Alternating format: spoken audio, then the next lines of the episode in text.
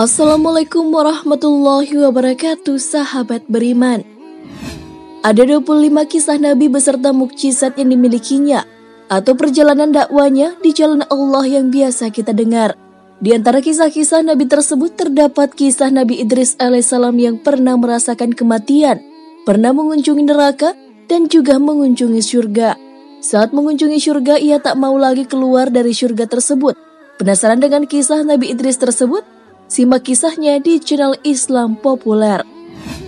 Tapi sebelum lanjut, jangan lupa klik subscribe, like, dan lonceng notifikasi untuk mendukung channel ini agar terus menyiarkan syiar Islam.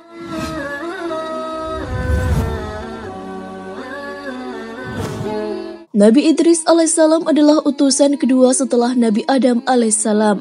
Beliau hidup sekitar 345 tahun di bumi Idris berasal dari kata darasa yang artinya belajar. Sesuai dengan namanya, ia mempelajari dan memahami berbagai jenis ilmu pengetahuan. Nabi Idris adalah manusia pertama yang menemukan alat tulis sekaligus yang bisa memahami tulisan dalam sejarah manusia. Tidak mengherankan jika beliau menguasai ilmu perbintangan atau ilmu falak, merawat kuda, atau bahkan menguasai matematika yang sebagian orang menganggapnya susah. Nabi Idris tak hanya dikenal cerdas dan cinta akan ilmu pengetahuan, tapi juga menguasai seni menjahit. Beliau juga tercatat sebagai manusia pertama yang pandai memotong dan menjahit pakaian. Oleh sebab itulah, beliau menjadi manusia pertama yang memakai pakaian berjahit. Setiap kali menjahit, beliau berzikir kepada Allah Subhanahu wa Ta'ala.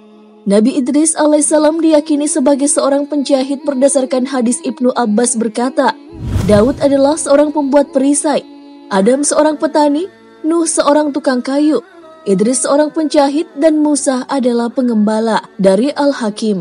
Nabi Idris juga dikenal bersahabat dengan malaikat maut. Suatu ketika, malaikat maut atau malaikat pencabut nyawa yang kita kenal dengan malaikat Israel merasa rindu kepada sahabatnya. Dan malaikat maut pun meminta izin kepada Allah untuk menemuinya. Lalu ia memohon kepada Allah Subhanahu wa taala agar bisa mengunjungi Nabi Idris maka Allah pun mengizinkannya.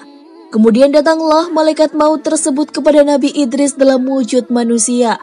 Nabi Idris yang melihatnya dalam wujud pemuda merasa sangat berbeda dengan manusia pada umumnya. Nabi Idris pun bertanya padanya, Siapa engkau sebenarnya? Malaikat maut pun menjawab, Saya adalah malaikat maut. Idris pun kembali berkata, Apakah kamu datang kepadaku sekedar untuk berkunjung ataukah dalam rangka untuk mencabut ruhku? Ia menjawab, Aku datang untuk ziarah atau berkunjung padamu atas izin Allah Subhanahu wa taala. Kemudian Nabi Idris berkata, "Wahai malaikat maut, aku ada perlu kepadamu."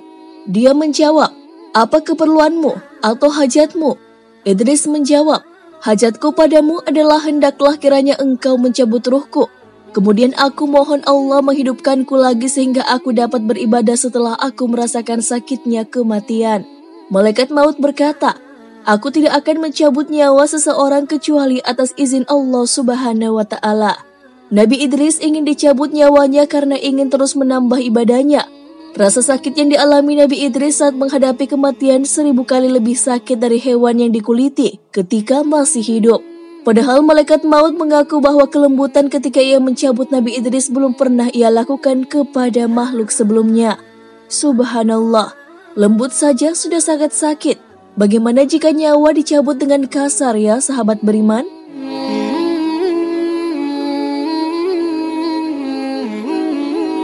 Setelah dicabut nyawanya, Nabi Idris pun dihidupkan kembali. Dikisahkan setelah Israel meminta izin kepada Allah, maka dicabutlah nyawa Nabi Idris pelan-pelan. Lalu ia pun meminta untuk ditunjukkan seperti apa neraka dan bagaimana bentuk siksaannya. Ia berharap dengan mengingat siksa neraka maka itu akan membuatnya semakin tekun beribadah. Setelah mendapatkan izin dari Allah, Israel membawa Nabi Idris ke neraka.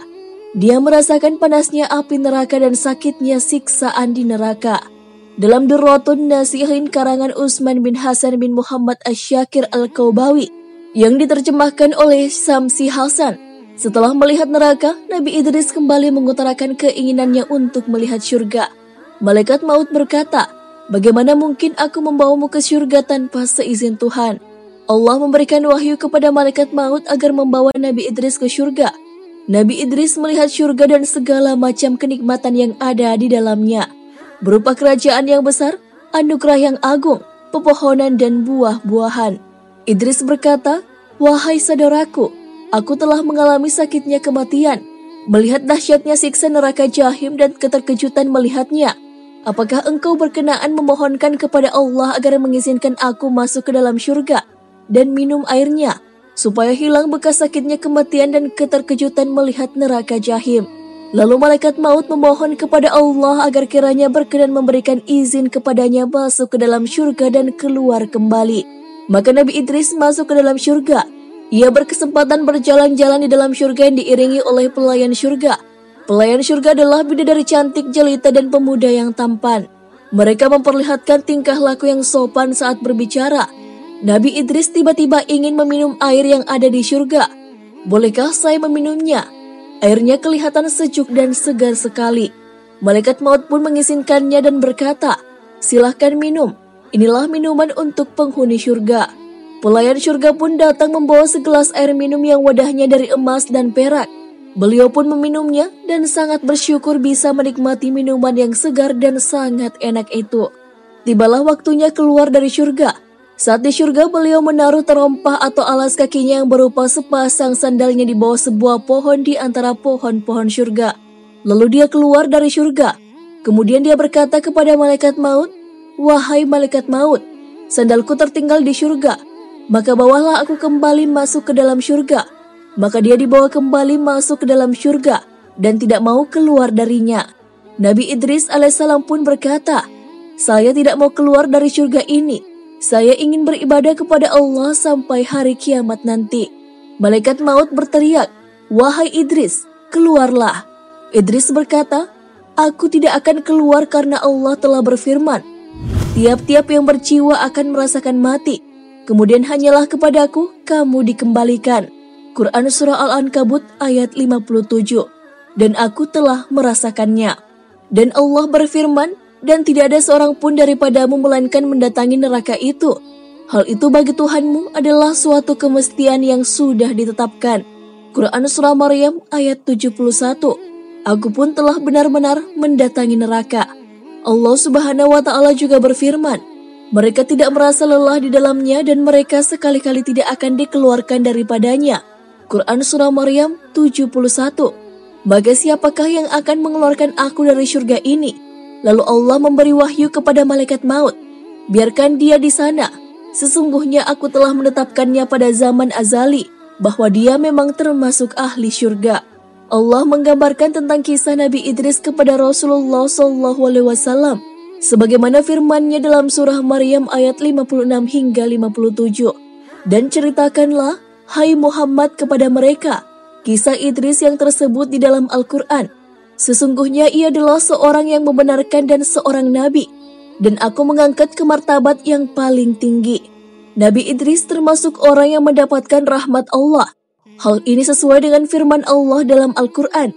Dan ingatlah kisah Ismail, Idris dan Zulkifli. Semua mereka termasuk orang-orang yang sabar. Kami telah memasukkan mereka ke dalam rahmat kami.